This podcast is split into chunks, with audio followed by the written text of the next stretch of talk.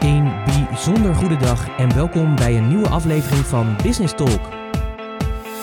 Dit is de podcast die gaat over ondernemen, de mooie kanten, de successtrategieën, maar ook alle fuck-ups en nog zoveel meer.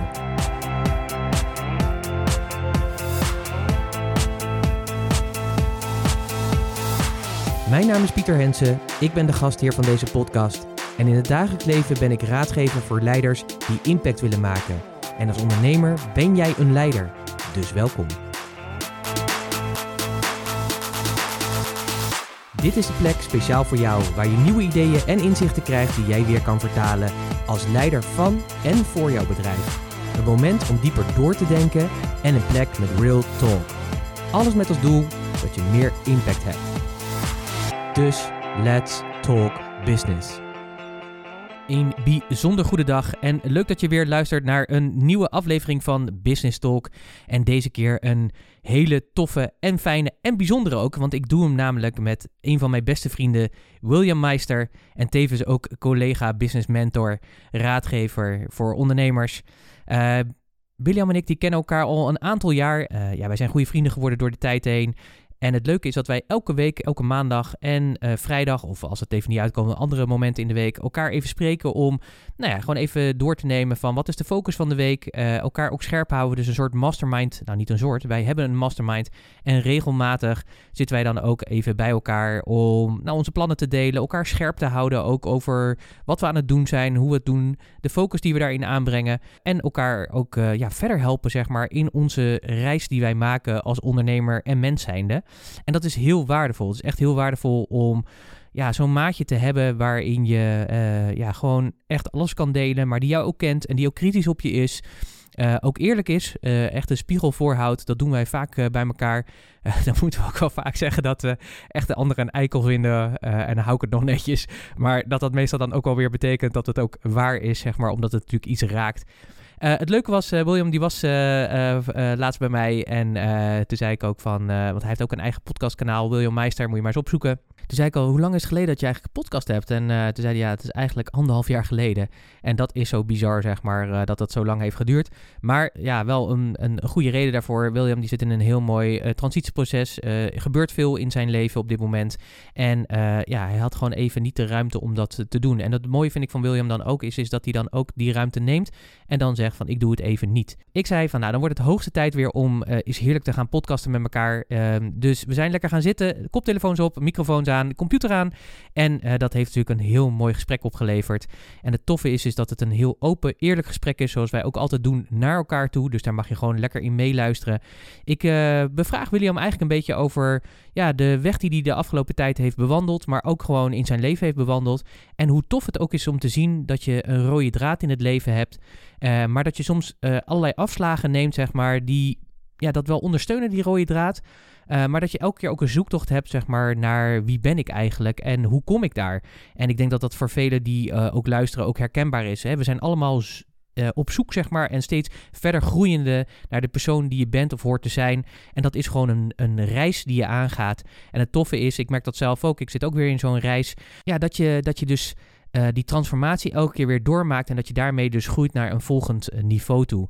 En het mooie dat is, William is ook uh, goud eerlijk daarin. Hij vertelt over zijn reis, over de situatie in gezin, over echt jezelf zijn en wat dat betekent als je uit bepaalde omgevingen komt en daar los van breekt en wat dat ook doet en hoe mensen daar naar kijken en je ook veroordelen en oordelen over dat feit en dat je toch zegt, ja maar ik ga dit toch doen, want ik heb dit gewoon te doen.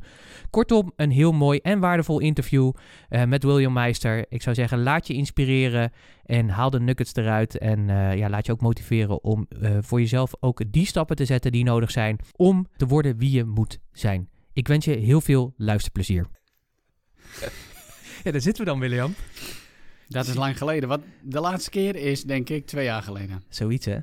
Ja. Of misschien wel langer. Ik denk misschien zelfs wel langer. Of misschien wel drie. En wat eigenlijk heel erg jammer is... Kijk, als wij samen zijn... Ja, dan gebeurt er magic, zeg maar. Dat die wijsheid Hè, um, ja, die is zo waardevol. En wij hadden de hele, vijf hele mooie podcasts opgenomen. Lachen, gieren, brullen en, en bloedserieus. En bloedserieus en tranen en noem maar op. En echt dat je denkt van ja, hier, uh, hier gaan we de mensheid ja. echt mee verder helpen. En ja. waar zijn ze nu? Eh, ja, ergens, ergens in de metaverse, denk ik, of zo. Ja, ja. We hadden ze opgeslagen ergens in een Dropbox-map. De mapjes staan er nog, Maar ze zijn leeg. maar ze zijn leeg. Ze zijn gewoon weg. Dus ik denk zeg maar dat het universum tegen eh, ons zegt... jongens, dat was zo crap. Terwijl we er heel trots op waren ook nog, hè? ja, maar gelukkig zijn we drie jaar verder inmiddels. Eh, een stuk wijzer geworden, meer Dat, rimpels. dat hopen we, hè? Ja. Dat moeten de mensen om ons heen eigenlijk zeggen. Nee, ik vind, eh, je moet het gewoon zelf zeggen. Ja, echt, hè? ja, als je zelf niet de slingers eh, ophangt, dan gaat het niet goed hoor. Nee, dan Dus- gaat het niet gebeuren. Dus Nee, een stuk wijzer inderdaad. Nou ja, goed. En sowieso, hè. Want ik ga 50 jaar worden dit jaar. 50 jaar? Ja, en dan word je s'nachts bezocht door een tovervee. En die slaat je met een een of andere toverstok op je hoofd. Krijg je wel meer grijze haren, maar dan ben je wijs. Officieel. En je krijgt een certificaat. Echt waar? Ja. En die mag je dan ook aan de muur hangen, zeg maar. Net zoals al die Amerikanen dat ook. Helemaal. Wauw. En dan gaat het ook gebeuren, denk ik Ja, ook, hè? Dan, Dan- gaat het ook echt gebeuren. Dan gaat het los. Wat gaat er dan gebeuren? Geen idee, maar het gaat wel gebeuren. 50 jaar. Niet voor te stellen, hè? Dan ben je dus op een derde straks. Een derde. Ja. Ja, het schiet lekker op je. Ik kan niet geloven dat het zo snel gaat, hè? En dan kijk je terug en dan denk je, holy mackerel. Nou, Waar heb ik veel gedaan? ja, jij zeker. Ongelooflijk, joh. Ja. Wat een carrières en verschillende werkzaamheden heb ik gedaan, zeg. Unbelievable. Ja. Dat mag enige naam hebben. Ja. Tijd om, ehm, zeg maar, al die ervaring bij elkaar te, te Oh, leggen. ervarings. Op te nemen. Ervarings. Ervarings. Ja, ervarings. Op te nemen en te gebruiken. Ja. Dus dat, dat wordt... eh, dus je hebt het 50 jaar geleefd. In verschillende vormen en maten. Want ehm, ja, jij hebt, echt, jij hebt echt verschillende vormen en maten. Wat heb je allemaal wel niet gedaan? eh? Ja, wat, wat heb ik niet gedaan? Ja. ja. ik heb meer niet gedaan dan wat ik wel Ja. heb gedaan. Hè? Maar Maar je hebt wel een aantal dingen wel gedaan. En allemaal ook wel een beetje in de extreme. ja, ik ben heel rustig begonnen in een zeevaart als matroos.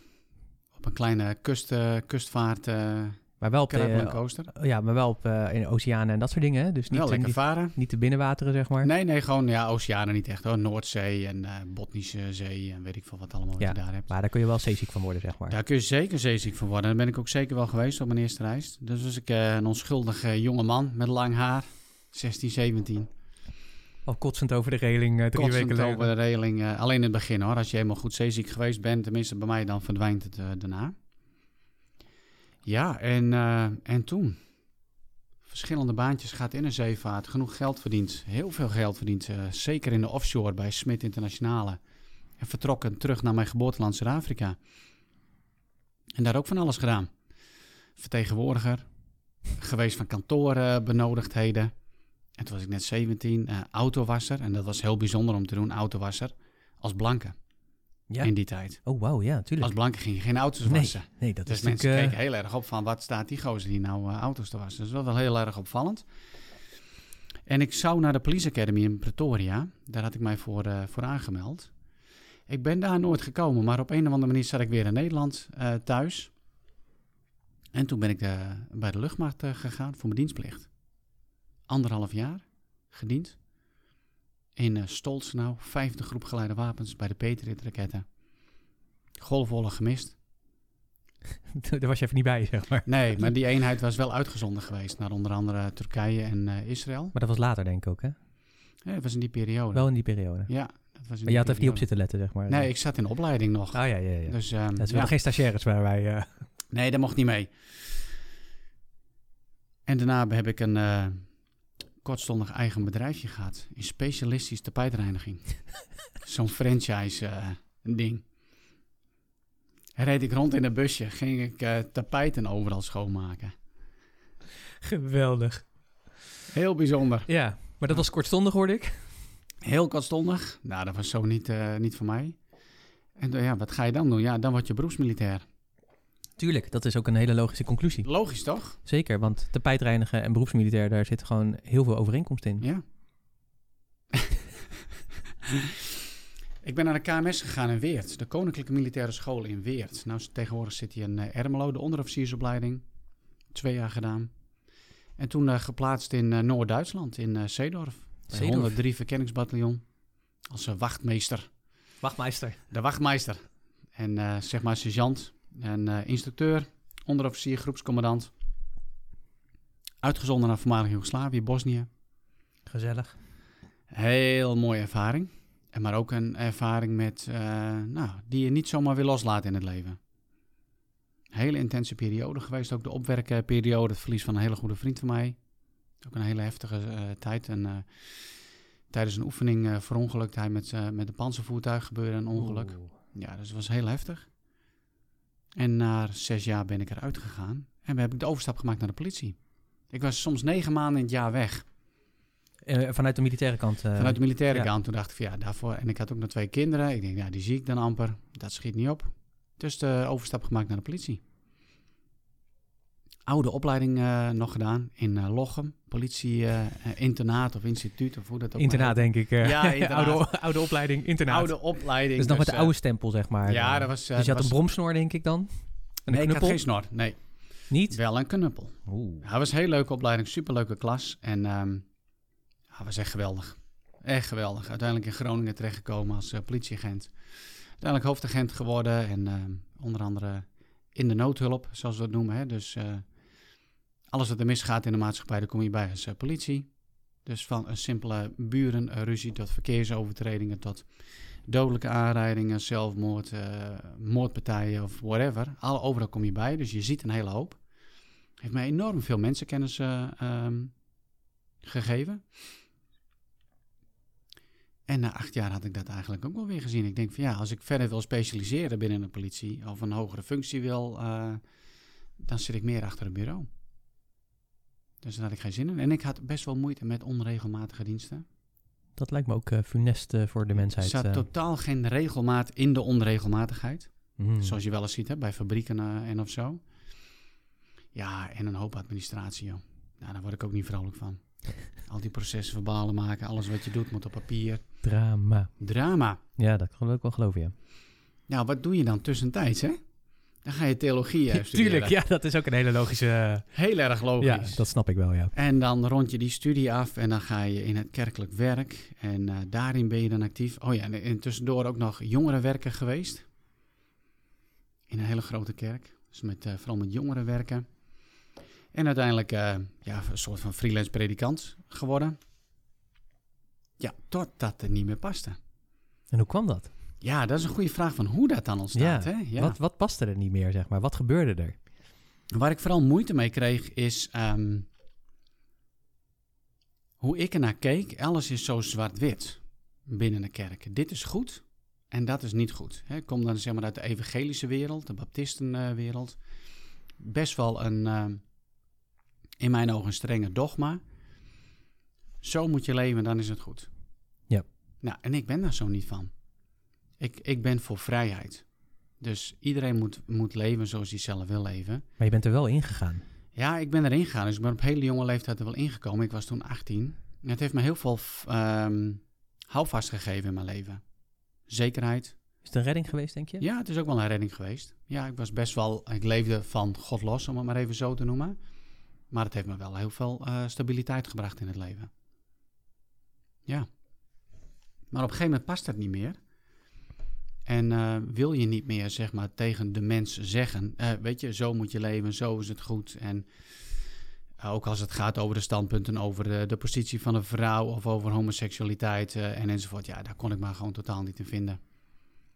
Lijkt me echt een hele lastige. Dat was een hele lastige. En als je dan je hele leven zo hebt ingericht om daarin te kunnen functioneren, je hebt nog zo'n studie gedaan en noem het maar op, ja, is het wel een pittige om die uiteindelijk ook weer los te laten. Was gezellig thuis, denk ik ook. Ja. hey, schat, ik ga toch weer wat anders Ik doen. ga het ook wel weer anders doen. Hé, alweer? Ja, dat is een heel langzaam proces. eh, dus het ging botsen, zeg maar, met mijn eigen persoonlijke waarden. Mm, ja, dan, dan wordt het heel eh, ingewikkeld. Want waar, waar zat het verschil, zeg maar? Wat zijn jouw persoonlijke waarden en waar... En, en Nou, wat je- waren de waarden waar je het meest moeite mee had? Net wat ik eigenlijk net al eh, zei is, ik vind vrijheid vind ik heel belangrijk. En wat is dat dan? En vrijheid is ehm, dat je leven kunt zoals jij wilt leven. En dan ergens ook wel met een algemene afspraak die we met elkaar hebben van hè, behandel een ander zoals jij ook behandeld wil worden. En die- niet dat we elkaar gaan bestelen, beroven en, eh, en oplichten, maar als je dat even buiten beschouwing laat, Leef zoals jij wilt leven. En als jij bijvoorbeeld besluit om met een kanarie te gaan samenwonen en die kanarie zegt ja, ga lekker met de kanarie samenwonen. Dan kan het niet zo zijn dat er ergens een instituut is die zegt dat mag niet. Oh, dat hoort niet zo. Of dat vindt God niet goed. Of dan word je gestraft. Of dan kom je niet in de hemel. Of al dat soort uh, manipulatieve gedoe, zeg ik eventjes. Uh, maar je hebt dat zelf natuurlijk wel gepredikt natuurlijk uh, ja, van de preekstoel. Ik heb dat zeker of heb gepredikt. Je of ben je daar een beetje omheen gaan prediken? Nou, op het laatst ben ik daar zeker omheen gaan prediken. En dan heb ik het dan over, heb God lief in je naast als jezelf. Hmm. Dat vind ik een hele belangrijke. Een waardevolle, ja. En ja, mijn godsbeeld veranderde ook in die zin. Hè. God is voor mij niet een, een man in de hemel die zeg maar als regisseur de hele wereld bestuurt. Maar ehm, het goddelijke, ja, voor mij zit dat eigenlijk in, in alles. Het zit in de natuur, het zit in de, in, de, in, de planeten, in de sterren. En misschien formeren wij samen wel al het goddelijke. En het goddelijke zit in mij, en het zit in jou, en het zit in een paardenbloem, en het zit in een eekhoorn in het bos. En zeg maar, het is denk ik een heel abstract iets wat we niet kunnen vatten in woorden. Maar ja, dat is natuurlijk wat anders dan een uh, verpersoonlijking van een God. Ja, en die ook toekijkt op aarde en uh, alles maar goed moet keuren. Precies, en ook de one and only, hè? Dus dat is en ook... ja, ook dat, hè, de one and only. Dit is de enige. Ja. Als je hierin gelooft, dan is je uh, zieltje voor de rest voor eeuwigheid gered. Ja, en dat, dat geloof ik niet. Niet, of niet meer? Niet meer. Ja. Nee, dat geloof ik niet meer. En dat heb ik wel geloofd. En het, het heeft me heel veel gebracht in het leven. Uh, maar ook de studie heeft me heel veel gebracht. Heeft me leren nadenken en zaken onderzoeken. En ik merk nu, zeg maar, dat is een heel groot verschil met toen. Toen was ik altijd op zoek naar hoe zit het nou en ik wil één waarheid. Ik wil een waarheid horen. Zo zit het. Dat gaf mij een bepaalde zekerheid. En dat heb ik op een of andere manier heb ik dat niet meer nodig. Dus hoe het nou precies zit met uh, het goddelijke, of het niet-goddelijke, of het leven na de dood, of whatever. Voor mij hoeft dat niet per se een waarheid te zijn. En het zijn misschien wel verschillende waarheden. Dus ik hoef me niet meer uit te spreken, ja, maar wat ik geloof, en dat is de enigste, zienwij, enigste zienswijze. Nee, er zijn misschien wel heel veel verschillende opties. En misschien zitten we er allemaal naast. Wie zal het zeggen? Dat is maar één manier om achter te komen. Ja. Wel grappig, want aan de ene kant uh, zocht je dus toen bepaalde zekerheid, hè? want dat is het eigenlijk dan. Van zo, zo zit het leven in elkaar, hier kan ik op, uh, op bouwen of vertrouwen. Ja. En ergens is er een inzicht of een kanteling gekomen dat... Ja, wat, wat is het, zeg maar? Want het is dan niet meer zoeken naar één zekerheid, zeg maar. Maar het is toch volgens mij ook wel iets... Want als je dat loslaat, ja, dan valt al die zekerheid weg, zeg ja, maar. maar het is externe zekerheid. Dat is het, zeg maar. Ja. Dus het is eigenlijk verplaatst zeg maar, van extern naar intern. Naar intern. Dus Ja. ik voel me van binnen, voel ik mij als het ware verbonden met het goddelijke. Ik voel me niet alleen. Ik voel me verbonden met het goddelijke. Dus als ik buiten loop, ik kijk naar de bomen, ik kijk naar de natuur, of naar de maan en naar de sterren. Ik voel me daarmee verbonden. Je bent één, één met, met het geheel. zeg Ja, ik ben één met het geheel. En dat geeft mij zo'n allemachtig vredig, gelukkig gevoel. Dat is genoeg. Wanneer, is, wanneer is, heb je een soort pivot point, zeg maar, dat je, dat, eh, dat je dacht van... eh, ah ja, dit, dit is het, zeg maar zeggen. Of Ja. een soort, soort, hè, dat zeggen natuurlijk ook wel eens eh, mensen die tot geloof komen... dat ze dan zeggen, ja, bam, toen werd ik als een soort bliksemschicht... Ja, nou goed, dat heb ik natuurlijk meegemaakt op mijn achttiende. Het bliksemschicht moment. En kijk, misschien heb ik het altijd wel gehad. Alleen wat er, wat er gebeurde op mijn achttiende was het... Ik liep buiten op straat. Ik was naar een andere eh, bijeenkomst geweest van, eh, van jongeren... georganiseerd door de kerk van mijn oom en tante. Dat was in Zuid-Afrika, daar woonde ik toen eh, bij hun. Ik kijk altijd naar de lucht. Ik kijk naar de maan en naar de sterren. Dus ik liep s'nachts terug, keek naar de maan en de sterren... en opeens voelde het alsof ik door bliksem werd geraakt. En er was op een godsbesef in mijn leven. Dus ik kom met dat verhaal. Kom ik bij mijn oom en tante. Die gaan naar een kerk. Die zeggen, joh, dat is God. Kun je beter leren kennen, enzovoort, enzovoort. Dus ik ga mee met hun naar de kerk. En ik vind als het ware een nieuwe familie. Ja. En zo kom je in die wereld terecht. En nu terugkijkend, zie ik zeg maar dat ik heel erg gevormd ben in die eh, wereld. Maar voor mijn gevoel, en dat klinkt misschien wel heel hard als ik dat zo zeg, maar ook wel gemanipuleerd en in een bepaalde richting gedrukt. Ik had toen lang haar, ik moest mijn lange haar afknippen, want ja, het was niet gepast dat je als man lang haar had. Simpson of zo, hè? Was het ook, hè? Toch, die had ja, ook lang ik haar? had alleen zijn kracht niet. Nee, nee. Werd ook Nou, afgeknipt. Ik dus- moest mijn taalgebruik aanpassen en langzamerhand word je gecultiveerd naast zeg maar eh, de kerk waar jij naartoe gaat. Ja. Dus dan kom je, ja, je moet mee natuurlijk in de normering, zeg maar. Ja, je gaat mee in die normering. En, eh, en dat gaf ook wel eh, duidelijkheid voor mij. Het gaf ook zekerheid. Ik eh, wilde geaccepteerd worden. Eh, ik kom uit een best wel... Nou, een gezin met een verhaal. Dus dat was welkom voor mij. Jij kwam thuis eigenlijk. Ik kwam gewoon thuis.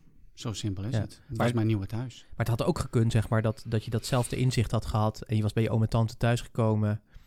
En die waren een andere richting opgegaan. Of waren moslim geweest, of wat dan ook. Ja. Dat, je, dat, je die, dat je die hoek, hè. Dus het is Ja. eigenlijk meer ook een... Alleen wat wel mooi is, is de, dus...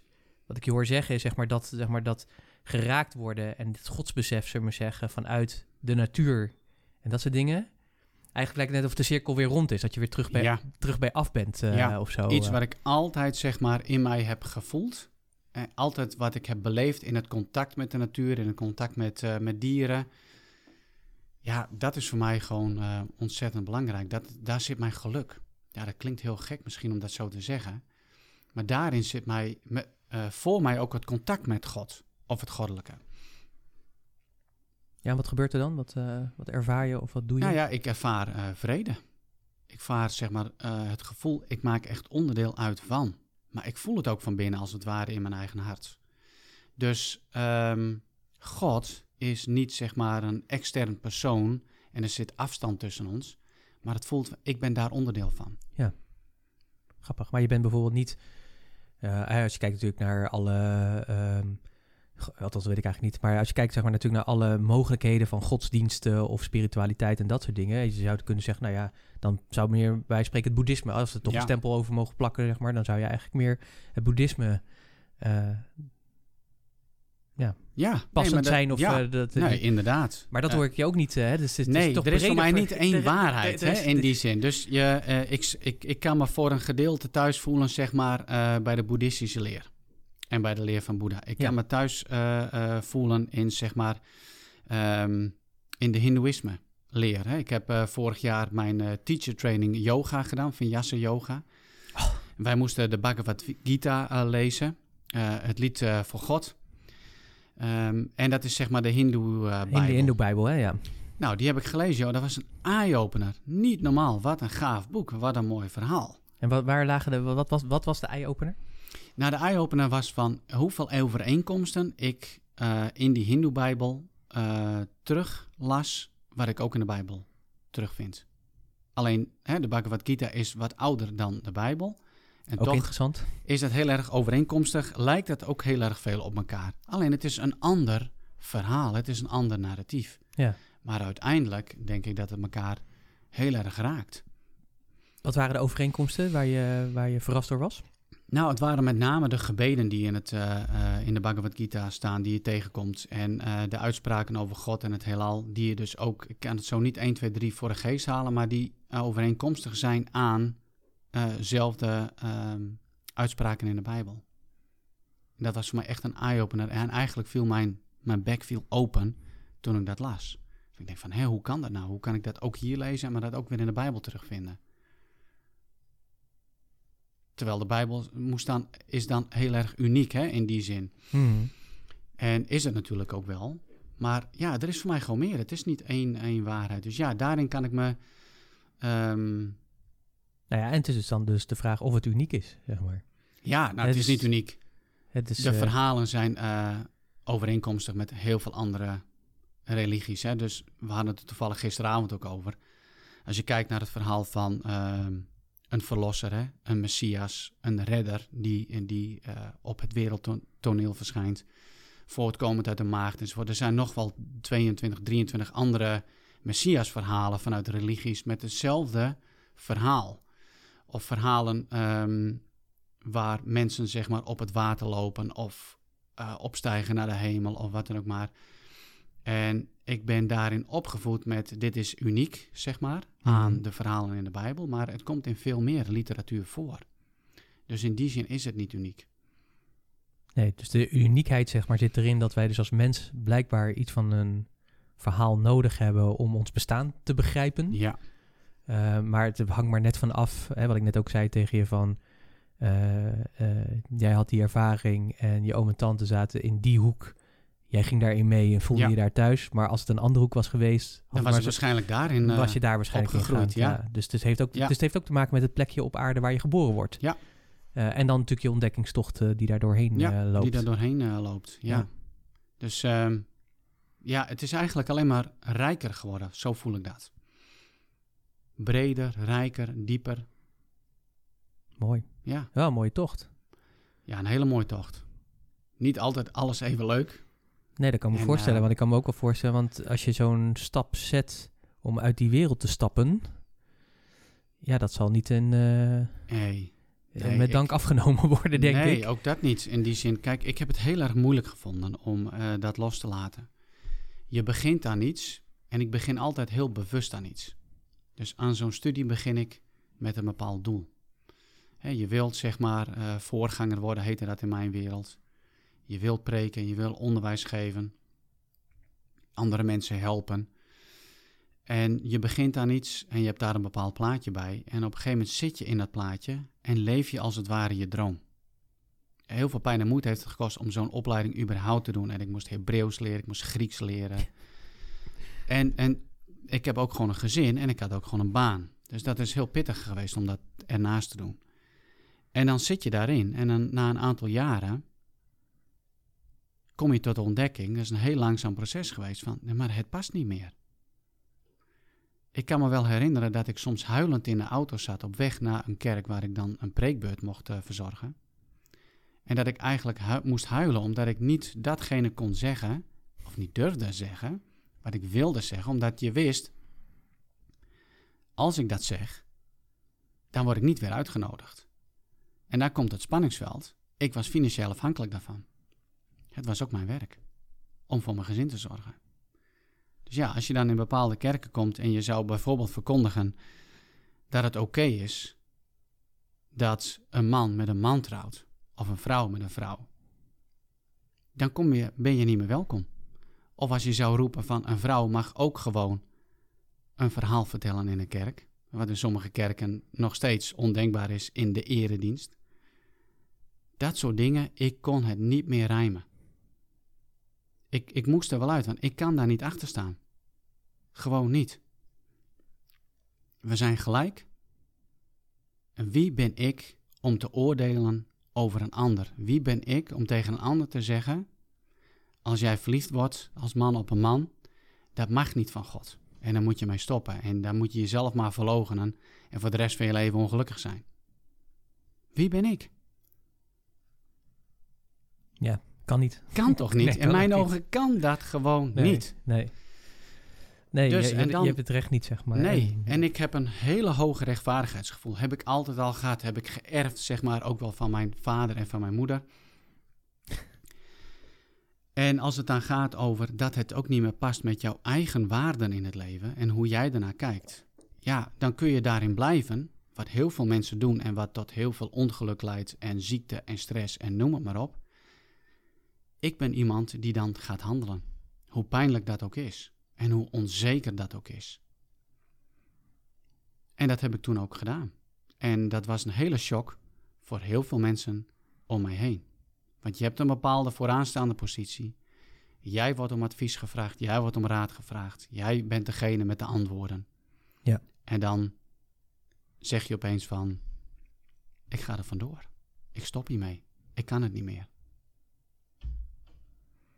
Dat was een hele pittige. Ook voor mijn vrouw.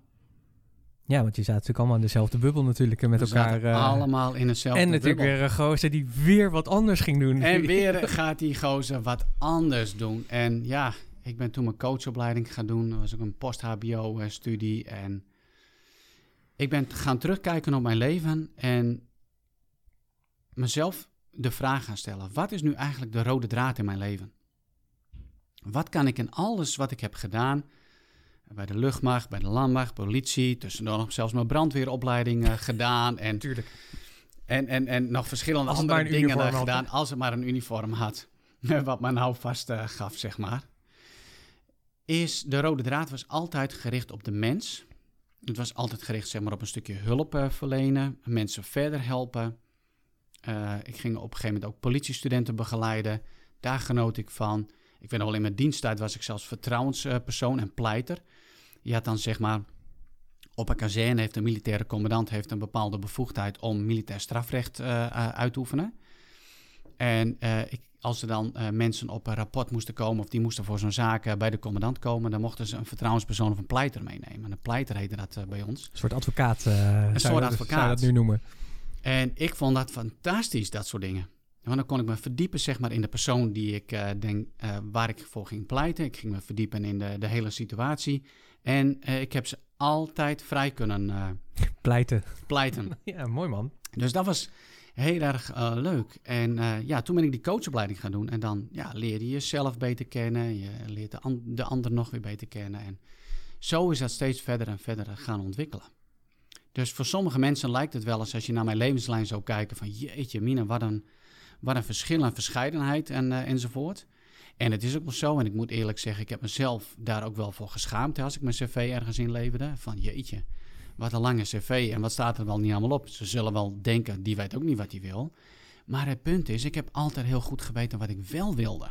En wat was dat dan? Ja. Wat was dat?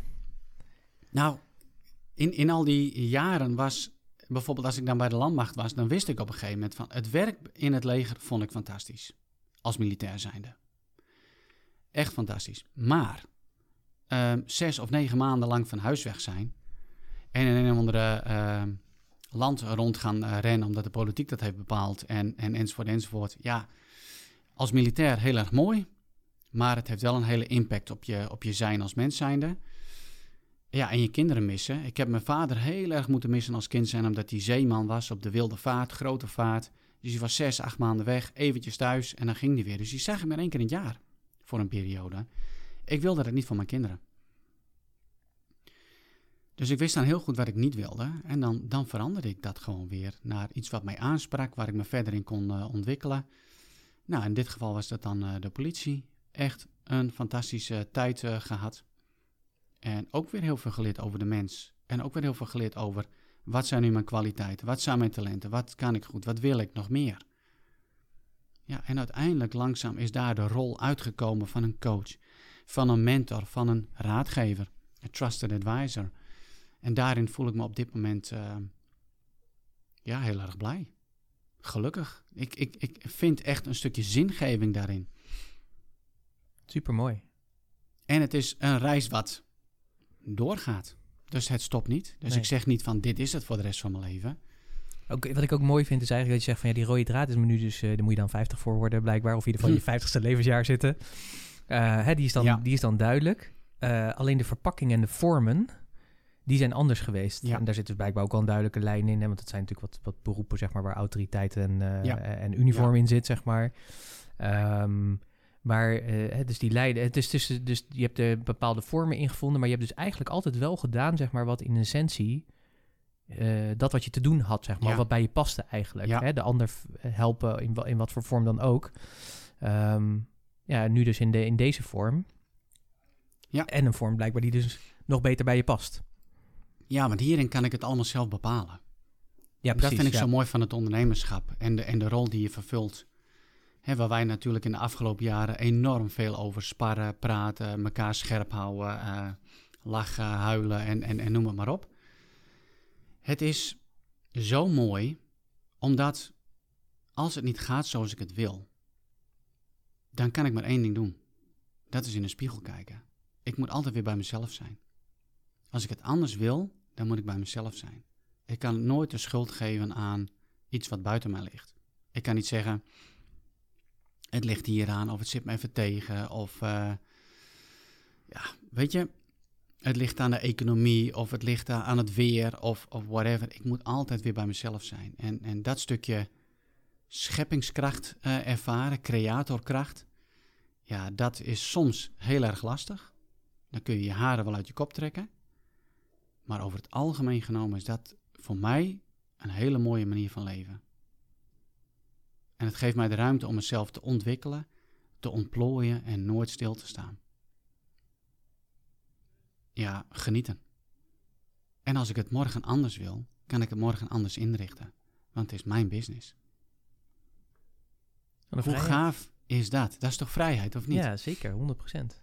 En dat is niet altijd even makkelijk. Het heeft ook wel hè, gevolgen als je je hele leven iedere keer weer onderaan de ladder ergens ben, bent begonnen in een bepaalde situatie. En ook in je business. Ook in mijn business. Ik ben nu tien jaar ondernemer.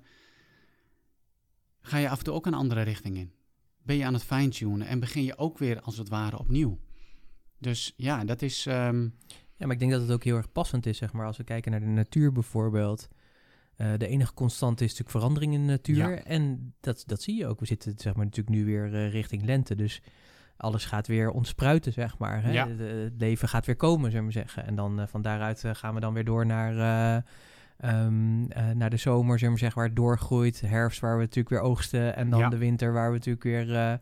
dus, dus, dus het is natuurlijk niet raar, zeg maar, dat je dus ook in je bestaande zijn... dat je dus die fases ook, zeg maar, letterlijk die seizoenen doorgaat. Ja. En het kan best zijn dat jij gewoon in de winter zit in je zomer, maar het, het, het, je, je gaat ook, want je bent gewoon natuurlijk uh, verbonden met die natuur. Je bent natuurlijk ook een, een natuurlijk wezen, zullen we ja. zeggen. Dus het is ook niet raar dat je daar doorheen gaat. Het zou natuurlijk ook heel raar zijn als dat niet zo is. Nee, dat is toch zo mooi om, uh, om dat te zien en te ervaren. En uh, ja, daar zijn we allebei ook wel veel mee bezig, hè? met de natuur en wat we daarvan kunnen leren. En ik weet nog wel hoe blij jij was, zeg maar, met dat je in jouw opleiding iets had gehoord over biomimicry. Ja, zeker. Dus wat kunnen wij leren vanuit de natuur en toepassen op onze menselijke uh, processen en, en, en, en, manier van doen en produceren, van, van landbouw tot en met fabriek, nou, noem het maar op. Ja, geweldig. Dus een beweging steeds dichter naar de natuur maken. En, en, en, en, dat is ook de beweging die ik maak. Steeds dichter naar de natuur, maar ook kijken naar de ritmes van de natuur. Ja. Het is heel grappig om te zien, zeg maar, dat uh, we leven natuurlijk, natuurlijk in, een, uh, in een beschaving, zeg maar, met uh, technologie en alles is maakbaar eigenlijk. Ja. En dat vond ik ook wel mooi, zeg maar, aan wat ik daar leerde in die leergang, was um, dat, zeg maar, in de oudheid was, zeg maar, de, het adagium, de, de natuur is van nature goed. Dus uh, alles wat de natuur doet, doet zij goed. En daar waar het misgaat, is het een foutje, zeg maar. Dus, dus als er iets gebeurde waardoor de natuur zeg maar, uit de hand liep, ja, dan was dat eigenlijk een foutje, zeg maar. Uh, werd niet moeilijk over gedaan. Was gewoon een realiteit. Punt. Ja. Um, maar wij zijn op een gegeven moment natuurlijk uh, door de middeleeuwen uh, en natuurlijk de, de, de, de Gouden Eeuw en dat soort dingen, zijn we natuurlijk op een gegeven moment gaan ontdekken van, en met de industriële revolutie, met jongens, wij kunnen dit, zeg maar. Hè? Uh, met Merkel sprekende, we schaffen das. Ja. ja. Hè, dus wij bepalen, dus ja, ook de natuur. Hè, de, de, de, ja, we hebben daar hele mooie voorbeelden van. Aan de ene kant is dat natuurlijk heel erg knap dat we uh, mens zijn en dat we kunnen nadenken en technologieën en dingen kunnen toepassen om leefbaar te kunnen zijn. Maar het is ook heel grappig om na te denken over het feit, zeg maar, dat als we een watersnoodramp hebben, dat wij dan zeggen van ja, maar dat willen we, dat willen we niet meer. Uh, en dat snap ik, want dat is vanuit menselijk perspectief gekeken, wil je dat ook niet, dat is natuurlijk verschrikkelijk. Uh, dus wat doen we? we? We zetten de deltawerken daar neer. Dus wij gaan de natuur controleren. En dat hebben we natuurlijk heel veel gedaan in polderen van uh, dingen. Hè. Dat is natuurlijk ja. best wel bijzonder dat we gewoon besluiten... nou, we gaan gewoon een stuk land erbij ja. leegpompen, zullen we maar zeggen. Hè. Daar zijn we heel goed in. Hè. We zijn heel goed in dat soort dingen. En dat, dat vind ik het boeiende eraan. Ik denk zeg maar... Dus als je ook hebt over die cycli, zullen we zeggen... ik denk dat we ook in een transformatiecyclus zitten, zullen we zeggen. Dat zien we natuurlijk ook gewoon met, met letterlijk gewoon... de uh, klimaatverandering en dergelijke.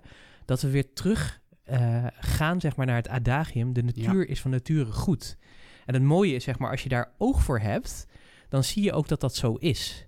Uh, en daar komt natuurlijk ook steeds meer beeld naar voren natuurlijk. Hè. je hebt mooie documentaires uh, op Netflix en overal nergens.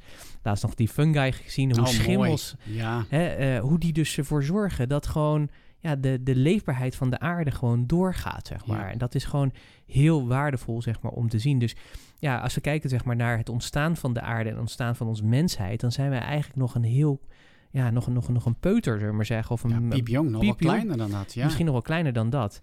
Maar wij gaan wel bedenken, dat is het grappige. Dus we kijken niet van, hey, hoe heeft de natuur in al die miljarden jaren dat opgelost? Ehm, wat ik ook zo mooi vind, zeg maar, om te ontdekken dat penicilline was gewoon een schimmel, zeg maar. Ja. Hè? Het, is, het zit gewoon in de natuur. Ja. Dus ik denk gewoon, als wij dat meer zouden omarmen en toepassen, ja, dan zou je best wel bijvoorbeeld, denk ik, voor, en misschien een beetje een foute uitspraak, maar ik ga hem toch doen, denk dat eh, het medicijn voor de corona zit al lang in de natuur. Ja. Alleen wat we hebben bedacht is van nee, wij moeten het als mensheid zelf doen. Dus we gaan niet meer kijken naar. En dat is heel boeiend, want dat, dat, dat is iets eh, heel raars wat wij als mens doen, zeg maar. Is dat we het zelf willen doen altijd. Ja, en alles Dus- naar onze hand zetten en de natuur hand. manipuleren. In plaats Precies. van samen, samenleven met de natuur en onszelf als onderdeel zien van de natuur, hebben we onszelf erboven geplaatst. En zijn we dus die hele connectie met die natuur verloren. Helemaal. Eh, en dat, hoe we wonen. We kijken hier Ja. uit op een flatgebouw hierachter. Ja. Dat is natuurlijk een hele rare vorm van wonen, zeg Ja. maar. Dat je gaat stapelen. Komt nergens in de natuur in die zin voor. Nee. Maar wij bedenken het gewoon. Ja, nee, maar het is zo. Dus we zijn eh, eh, de connectie kwijtgeraakt met de natuur. En ik denk daar ook een hele groot gedeelte van de oplossing zit. Het is terug naar natuur. En wa- wat kunnen wij observeren en zien in de natuur? En hoe kunnen we dat gaan toepassen? En er zijn natuurlijk ook vanuit de uitheden heel veel wijsheden, zeg maar, die we verloren Ja. zijn, zeg maar, over hoe we, hoe we met natuur, ja, hoe de natuur voor ons kan werken. Ja. Hè? Dat is natuurlijk ook eh, Ja. een hele boeiende. Nou, vooral denk ik dat we gewoon onderdeel uitmaken van diezelfde natuur. Maar we hebben ons op een of andere manier erboven geplaatst. En we hebben ge- gedacht en gehandeld naar de natuur is er om ons te dienen. Ja, en we zijn, ja, we zijn precies, we zijn, dus- ja, we zijn onderdeel van hetzelfde ecosysteem, Ja. zeg maar. Dus we zijn een schakel in dat, pardon, in dat Ja. systeem. Ja, nou en we hebben daardoor zeg maar de natuur voor een groot gedeelte kapot gemaakt. Ja, ja dat, dat- absoluut. Beschadigd. Beschadigd, ja. De grap Ja, vind ik, zeg maar, dat, betere woord, ja. dat de natuur gaat gewoon door. Hè? Dus dat, Ja. dat vind ik ook het boeiende van... Ja, wij denken dat we die natuur in controle hebben. Maar ja, we kunnen zulke mooie dammen bouwen. Maar als er gewoon ergens een aardschors eh, over elkaar heen schuift... en er komt een tsunami van 30 meter... Ja, dan houdt het gewoon dan op. houdt het gewoon op, zeg maar. Ja. Dat, eh, dan, eh, En de natuur, het herstelt zich ook wel weer. Hè? Dus we Zeker. hebben wel in, hè, wat de wetenschappers zeggen, wel vijf major e- extinctions eh, gehad. Hè, het, het compleet uitsterven van het leven op aarde. En misschien op een enkele dieren na, ik weet dat niet precies. Of op een paar bacteriën na. En het is wel weer teruggekomen.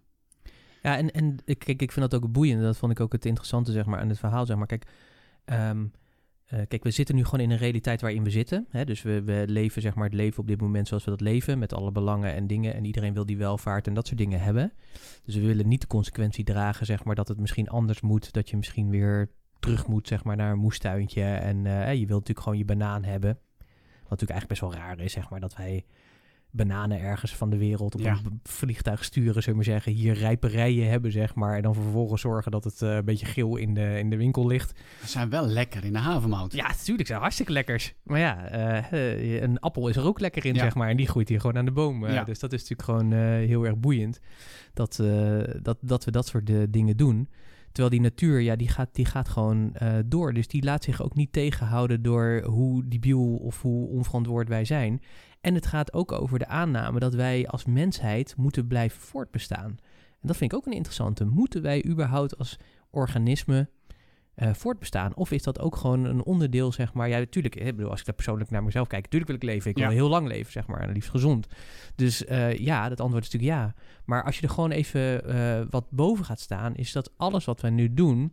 is zeg maar in het, wordt in het leven geroepen... zodat wij als mensheid ja, door, door kunnen Ja. leven. Terwijl juist...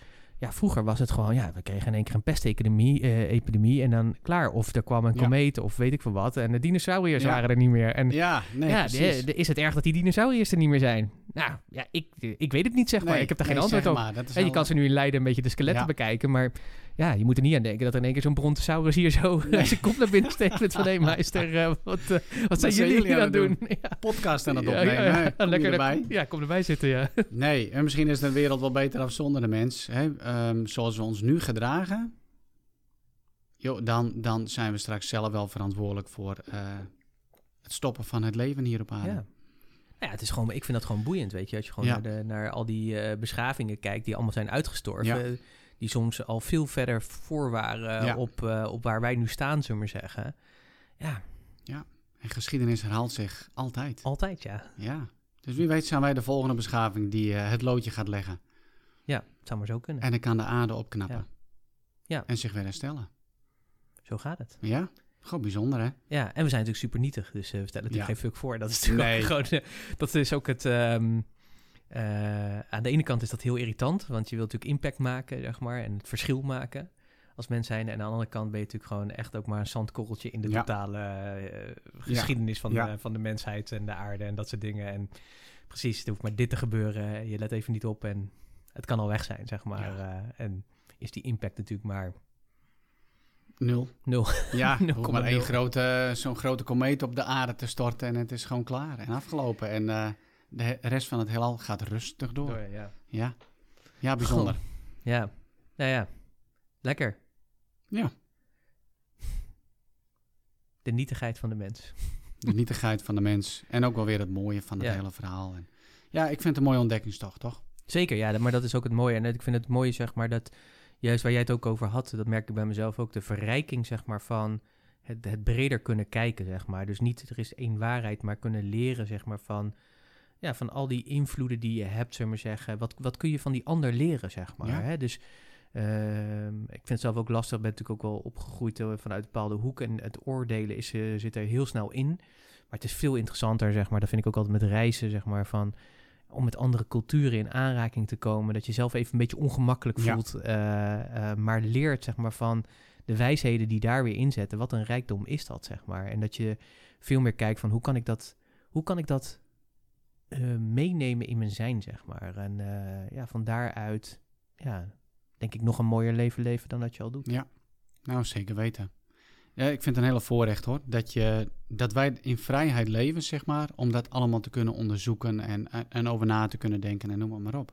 Ja, zeker. Dat is een enorme rijkdom, ja. Ja. Ja, absoluut. Er Ja. zijn natuurlijk gebieden in de wereld waar dat totaal anders is. Ja, Maar ja, misschien zijn die wel gelukkiger.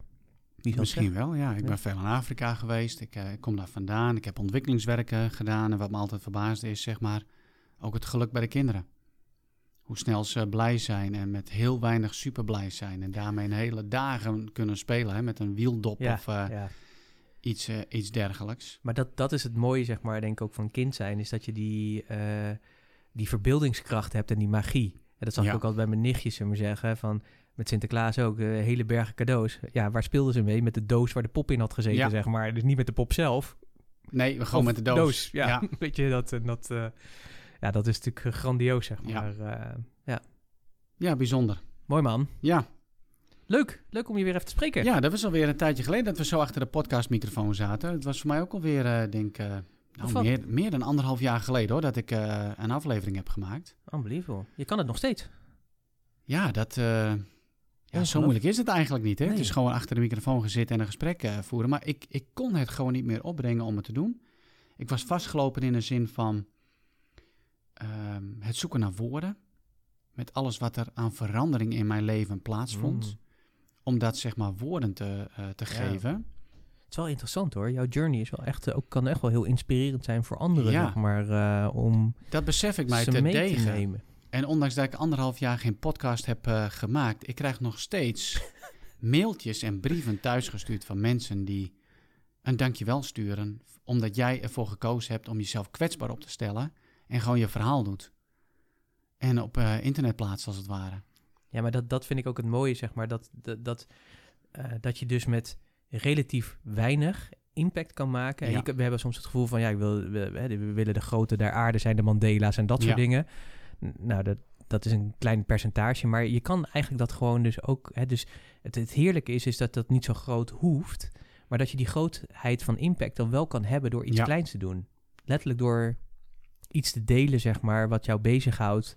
Eh, een inzicht of gewoon een weg die je aan het bewandelen bent en daar open over bent. Ja. En die deelt via de interweb, zeg maar, via een podcast bijvoorbeeld.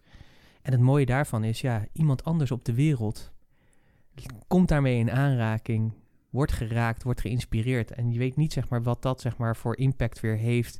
Wat die persoon daarmee doet, hoe die zijn leven verandert. En daardoor, zeg maar, ook weer levens van die anderen verandert. Ja. Dus je kunt veel meer impact hebben dan, eh, ja, dan dat je weet eigenlijk. ja, Hè? Dus, nee, maar dat is ook zo. en het is, het is gewoon veel simpeler, zeg maar. Je hoeft, het hoeft allemaal niet zo groot en Nee, het kan meeslepend. heel simpel is het. En, en misschien moeten we dan ook loslaten, zeg maar.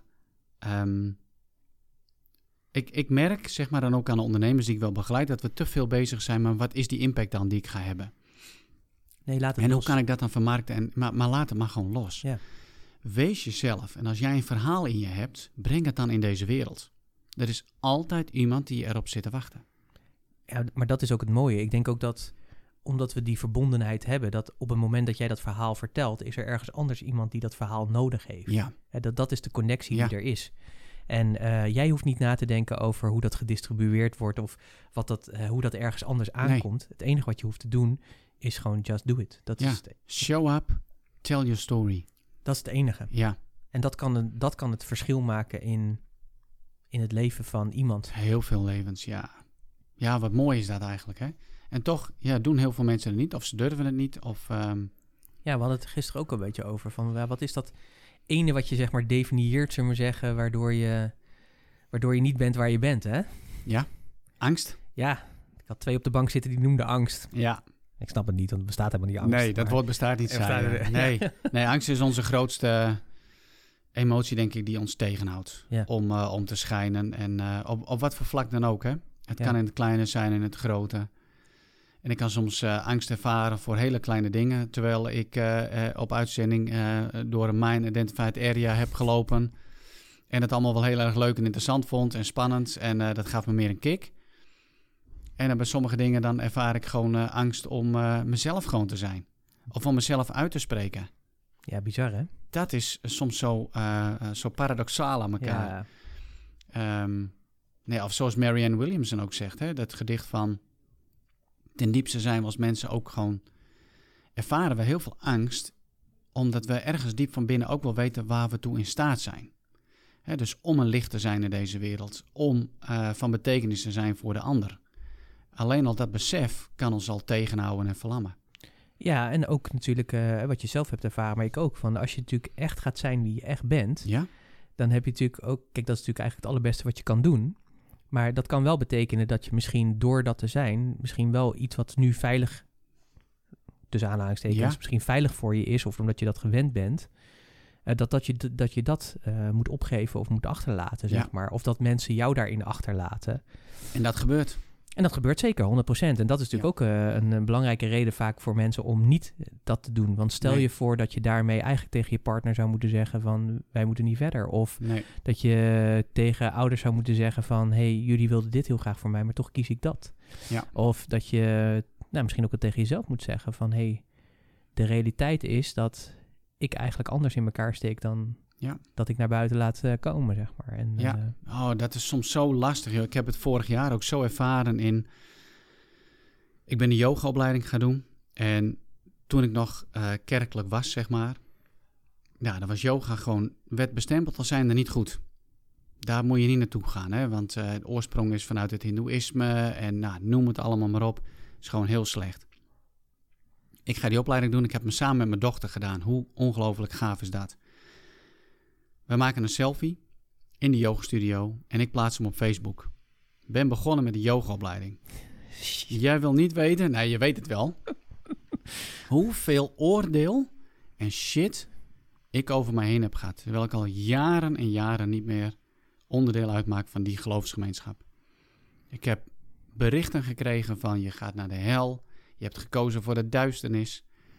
Je bent slecht bezig. Je moet weer terug naar de smalle weg. En weet ik veel wat allemaal niet. Ik wist dat het zou gaan gebeuren. Maar ik moest mezelf ook uitdagen om daar los van te komen. Want ik merk, ik voel van binnen dat ik toch nog zoiets heb. Ik wil als mens gezien worden. Ik wil erkend worden. Ik wil geaccepteerd worden. Ik wil erbij horen. Ik vind het helemaal niet leuk om geoordeeld te worden. Of er niet meer bij te horen. Nee, maar dat is verschrikkelijk natuurlijk. Dat je wil. Ik denk dat dat natuurlijk ook. Kijk, dat was van vroeger uit ook al. Weet je, als je niet meer in de groep was, dan werd je eruit gezet. Dan was je dood, zeg Ja. maar, eh, vanuit de oertijd. Zo simpel is het. Hè, dus we zijn altijd. Kijk, het feit dat we nu de communities zo enorm groeien, is omdat we ergens bij willen horen, Juist. zeg maar. Hè? Je peer group, Ja. zullen we maar zeggen, je, je gelijkgestemde. Het feit dat wij deze podcast doen, is omdat wij bij elkaar willen horen. Ja, hoe gek Ja, dat ja, ook is, hè? ja, maar dat- Hè, dus dat je, hè, je gelijkgestemde hebt, zeg maar, waar je mee kan groeien en bloeien. Dus dat is natuurlijk heel apart, zeg maar. Als je dan natuurlijk je... Ja, want het is natuurlijk ook een soort verloochening natuurlijk. Hè? Je laat natuurlijk ook een wereld zien. Maar de, de grap vind ik, zeg maar, dat deze mensen die dat doen... hun intentie is waarschijnlijk dat ze het beste voor, voor hebben. Tuurlijk, dat is ook zo. En ja. tegelijkertijd is het ook de angst wat, wat bij hunzelf aanwakkert. Dus het wakkert ook iets bij hunzelf aan. Want Ja. anders reageer je. Want why do you care, zeg maar? ja, waarom is dat dan ook zo heftig? Hè? Waarom is dat zo belangrijk, zou ik maar zeggen? Wat is dat? Waarom is dat zo heftig? Dat is een hele goede vraag. Hè, dus we- ja, je zou kunnen zeggen, nou, uh, meisje die helemaal van padje af, zoek het uit. Ja. Maar they do care, zeg maar, op een, Ja. een of andere manier. En nemen de moeite, zeg maar, om op zo'n bericht dit te antwoorden. Ja, nou, ik moest ook alles uit de kast halen om netjes te blijven. En dan Uiteraard. netjes Ja. te reageren op Facebook. Van, nou, bedankt voor je bezorgdheid, noemde Ja. ik het dan maar. Ja, ja, zeker. Ja. En ehm, ja, maar ik vind dat gewoon lastig. Ik vind dat niet leuk. Ehm, en, en mijn reis daarin is nog niet klaar. Ik voel nog steeds af en toe een rem. Nee, niet eens af en toe. Ik vaak, voel vaak een rem om mezelf te zijn en mezelf uit te spreken. Dat is ook een van de redenen waarom je podcast dan even stopt. Zeker. Omdat je je toch geremd voelt. En, ehm, en dat is gewoon, ik vind het heel irritant. Ja, er is maar één persoon die dat kan veranderen. En overal is een tijd voor. En ik ben blij dat we hier nu zitten. En het is een super waardevolle, mooie podcast eh, Ja. aan het worden. Al zeg ik het zelf Ja. dan maar eventjes. Dat, eh, ja, als wij het niet doen, dan eh, wie dan wel, hè? Ja, precies. Nee, maar ik denk dat het heel erg mooi, want ik denk dat dat, ik denk dat voor veel mensen die ook luisteren, dat dat, als ik naar mezelf kijk, in ieder geval, laat ik maar bij mezelf houden, ook de, de grootste uitdaging is 100% jezelf zijn. Ja, dus als we het hebben over, kijk, dat vond ik ook zo mooi in, de, in die filosofieopleiding, dus dat ik ontdekte van, je streeft naar vrijheid, eh 100% vrijheid. En de paradox daarin is waarschijnlijk dat je het nooit zult bereiken. ja precies. Dat, dat is wat, hè? Ja, dat is wat. Ja, Dus, dus je, je streeft naar iets, zeg maar, wat je nooit, waar je nooit zo uit zult komen. Want ja, je zit altijd in een context. Hè, bijvoorbeeld 100% vrijheid. Ja, ik kan hier niet door het rood rijden. Want we Nee. hebben met elkaar afgesproken, dat doen we niet. Maar als ik echt 100% vrij zou willen zijn... zou ik zelf willen bepalen of ik bij rood stop of niet. Even, dat is even een praktisch voorbeeld. Ja. Maar ook als ik gewoon kijk gewoon naar... Ja, hoe sta je in het leven? Met je ouders bijvoorbeeld. Ja, je bent opgegroeid. Ik heb nog steeds soms het gevoel dat ik goedkeuring van mijn... Ik ben al wel, wel, wel 13 jaar ondernemer. Het gaat goed. En, en toch heb ik af en toe nog steeds het gevoel dat ik Ja. goedkeuring van mijn ouders moet krijgen... eh, in de keuzes die ik maak. Ja, het is natuurlijk te gek voor woorden, zeg Ja. maar. Gewoon 42 jaar. Ja, dat zit er gewoon echt in, hè? Dat zit erin, zeg maar. En dan eh, daar andere keuzes in maken en daar vrijer in worden.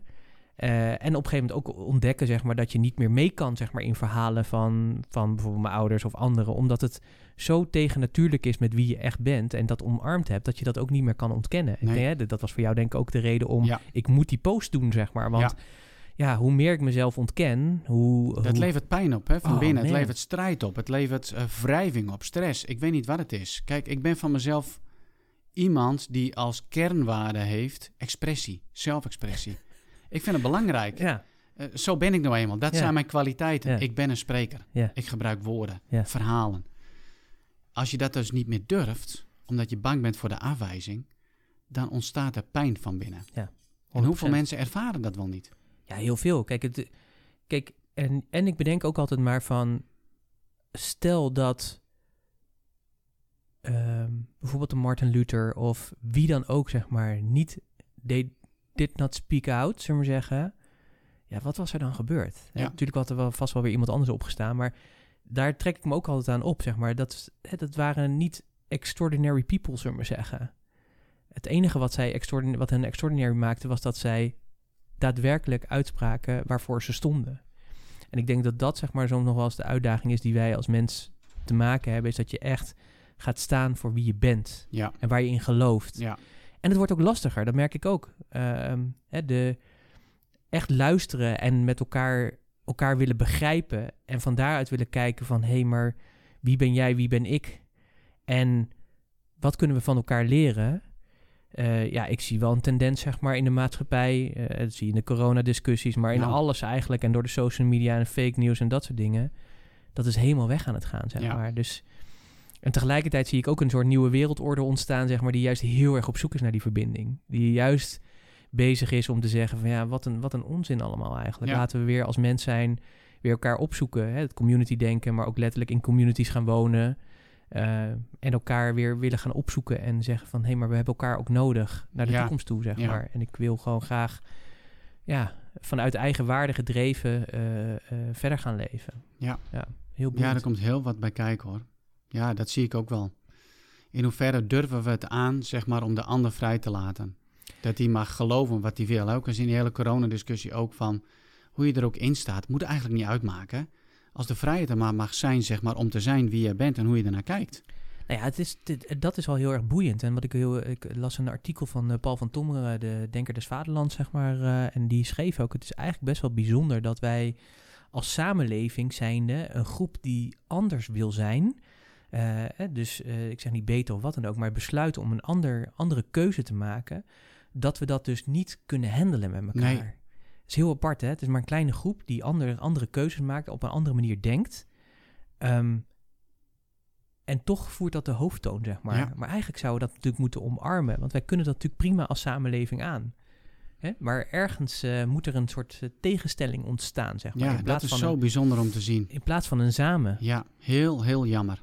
En Al die tegenstellingen, ja. En dat is het jammer, zeg maar. En ik, ik leerde ook in die, in die, in die, uh, in, in die leergang over filosofie... het gaat over... Ja, wanneer durf je je persoonlijke denken... en dus je waarden en je normen even los te laten om te kijken van, hé, hey, wat, wat is mijn persoonlijke denken erin, wat is die van jou? En kunnen wij naar een soort gezamenlijk denken, zeg maar, erin, waarin ja, 1 en 1 dus 3000 wordt, zullen we maar zeggen, daarin. En um, ja, dat, dat vinden we natuurlijk dood en doodeng. Want daarmee ja, zou het maar zo eens kunnen zijn dat je op een andere manier zou moeten leven, wat een stuk beter is misschien wel. maar, maar, ja, dan, dan, dan is in één keer alles wat waar was, is in één keer niet meer waar. Dat is natuurlijk wel heel raar. Ja. Ook dat is een mooie ontdekkingstocht. Zeker. Ja. Mens zijn. Ja, gewoon mens zijn. En vrij, elkaar vrij laten en elkaar nodig hebben. En, en luisteren. En luisteren, ja. Elkaar willen begrijpen. Ja. Leuk hoor. Mooi man. hey, uh, wat ga je het weekend uh, doen? Geen idee eigenlijk. Wat lekker man. Dus jouw weekend zit helemaal vrij gewoon. Uh. Ja. Wat heerlijk. Ik denk dat die redelijk vrij is. Dus in ieder geval lekker lezen. Oh. Wat luisteren, luisterboeken en wandelen met de hond en even naar het bos. Heerlijk. Ja, gewoon genieten. Klinkt goed man. Ja. Ga je nog giraffen zoeken? Ik ga geen giraf zoeken, nee. Die moeten we even uitleggen. ja, leg dat maar even uit. Die, daar snappen ze helemaal niks van. Nee, William is zo'n mooie gast, zeg maar. Die, die heeft zo'n enorme rijke fantasie. Dat is niet normaal. Uh, en het leuke is, zeg maar, is dat hij dat uh, heel toepast. Zij reden uh, bij mij de wijk in de, in de auto. zag hij wat kinderen buiten spelen. Hij terugrijden. het raampje open. Hé, hey, jongens. hebben jullie een giraf voorbij zien komen met een gele sjaal om? Nee, niet? Oh, nou dan zoeken we even verder. Ja. en weer door. En de verbazing in hun gezichten dan, hè? Ja. Ik deed het zelfs nog wel toen ik bij de politie zat. En dan gewoon met zo'n politieauto en dan zit je in een uniform. Hè? Dat is best indrukwekkend voor, voor die kinderen. Een raampje open en zeggen, hey, hallo kindjes. En uh, er is een uh, circusolifant ontsnapt en hebben jullie hem toevallig gezien? En dan gingen ze gewoon echt meezoeken en, uh, en enzovoort. Ja, dat was wel leuk. Een beetje humor brengen in deze wereld. Ja, ja, ja, Maar, maar, jij doet dat ook gewoon. ja, ik doe dat gewoon. Ja, dat maakt mij niet zoveel uit. ik vind dat gewoon leuk. Ook even het contact te, te hebben en de verbazing in die gezichtjes te, te, lezen en te zien. Prachtig. Ja, schitterend, schitterend. Ja, wat gaat het weekend voor jou brengen, uh, Pieter? Nou, ook al een beetje relaxed. Uh, ik ga nog even naar mijn zus toe. En um, daar zie ik heel erg uh, naar uit, zeg maar. Ja. dus ehm, ik heb een zus, zeg maar, die, die heeft Alzheimer. En dat is heel hard gegaan. Dus zij is vorige week uh, is ze naar een verpleeghuis te gaan voor jong dementerende. Ja, daar heeft ze natuurlijk heel erg moeilijk mee. Dat is natuurlijk eh, te begrijpen. Uh, het kon helaas niet anders, zeg maar. Dit is, dit is echt wat ze nodig heeft in het proces waarin ze zit. Maar het is natuurlijk ook heel verdrietig om te zien, zeg maar, ja, dat, dat, dat dit ook nodig is. Dus ik heb heel erg de behoefte om even haar weer te zien, zeg maar, na haar eerste week. Om eens even te, te horen en te ervaren hoe het met haar gaat. En ook even te supporten, zeg maar, dat we er zijn en dat we aan het denken. En dat we ja, ook een beetje een lichtpuntje, zeg maar. Uh, die, die lichtpuntjes die zijn er natuurlijk wel, maar ja, ga er maar aan staan als we het hebben over vrijheid en zelfbeschikking en dat soort dingen. Uh, maar het kon helaas niet, uh, niet anders meer, want dat is helaas het ziektebeeld ook. Dus dat, dat, het moest ook daarin. Dus dat, is, um, dus dat, uh, dat staat op de rit. En uh, ik denk dat ik daar, uh, zei ik tegen Annemieke ook van, misschien dat we daar gewoon wel, wat gaan we morgenmiddag pas heen, dus lekker een dagje van maken. Dat we, ze woont in de buurt van Den Haag, om misschien eens even naar Den Haag, Scheveningen. Oh, heerlijk. Even strand, even op, dat soort dingen. En zondag is denk ik een dag van, ehm, we zien het wel. Ik moet Ja. nog een, eh, ben bezig met een trap eh, nog eh, een beetje mooi te maken. Dus daar, dat wordt ook zo'n te jarenproject. Ja. Dus lekker. En eh, ik heb zin nu in een kop koffie eigenlijk. eh. ja, ik wou net zeggen, mijn kopje is al een hele tijd leeg. Eh, we gaan maar afronden, denk ik. En Denk het ook, gaan hè? we lekker koffie drinken. Weet je dat wij gewoon al een uur aan het ouwe hoeren zijn? Nee, joh, is dat Ja, al een echt, uur? We zijn een uur en 30 seconden bezig gewoon. Ja, Ja, ongelooflijk. Hè? Ja. Wat gaat de tijd snel als je praat. En unbelievable. wij praten wat af. Ongelooflijk. Maar het was een waar genoegen. Zeker. dankjewel Pieter, zeg maar, om ook voor de uitnodiging en de microfoons gewoon aan te zetten. Ik vond het ook wel weer spannend om weer, eh, zeg maar, in de, de microfoon te kruipen. En je verhaal te vertellen en eh, te delen waar je mee bezig bent in het leven. Hè? En, en wat je vormt en verandert. Ja. Maar het voelt goed. Goed man. Het was een heerlijk gesprek, jongen. Dankjewel. Heb het goed. See you.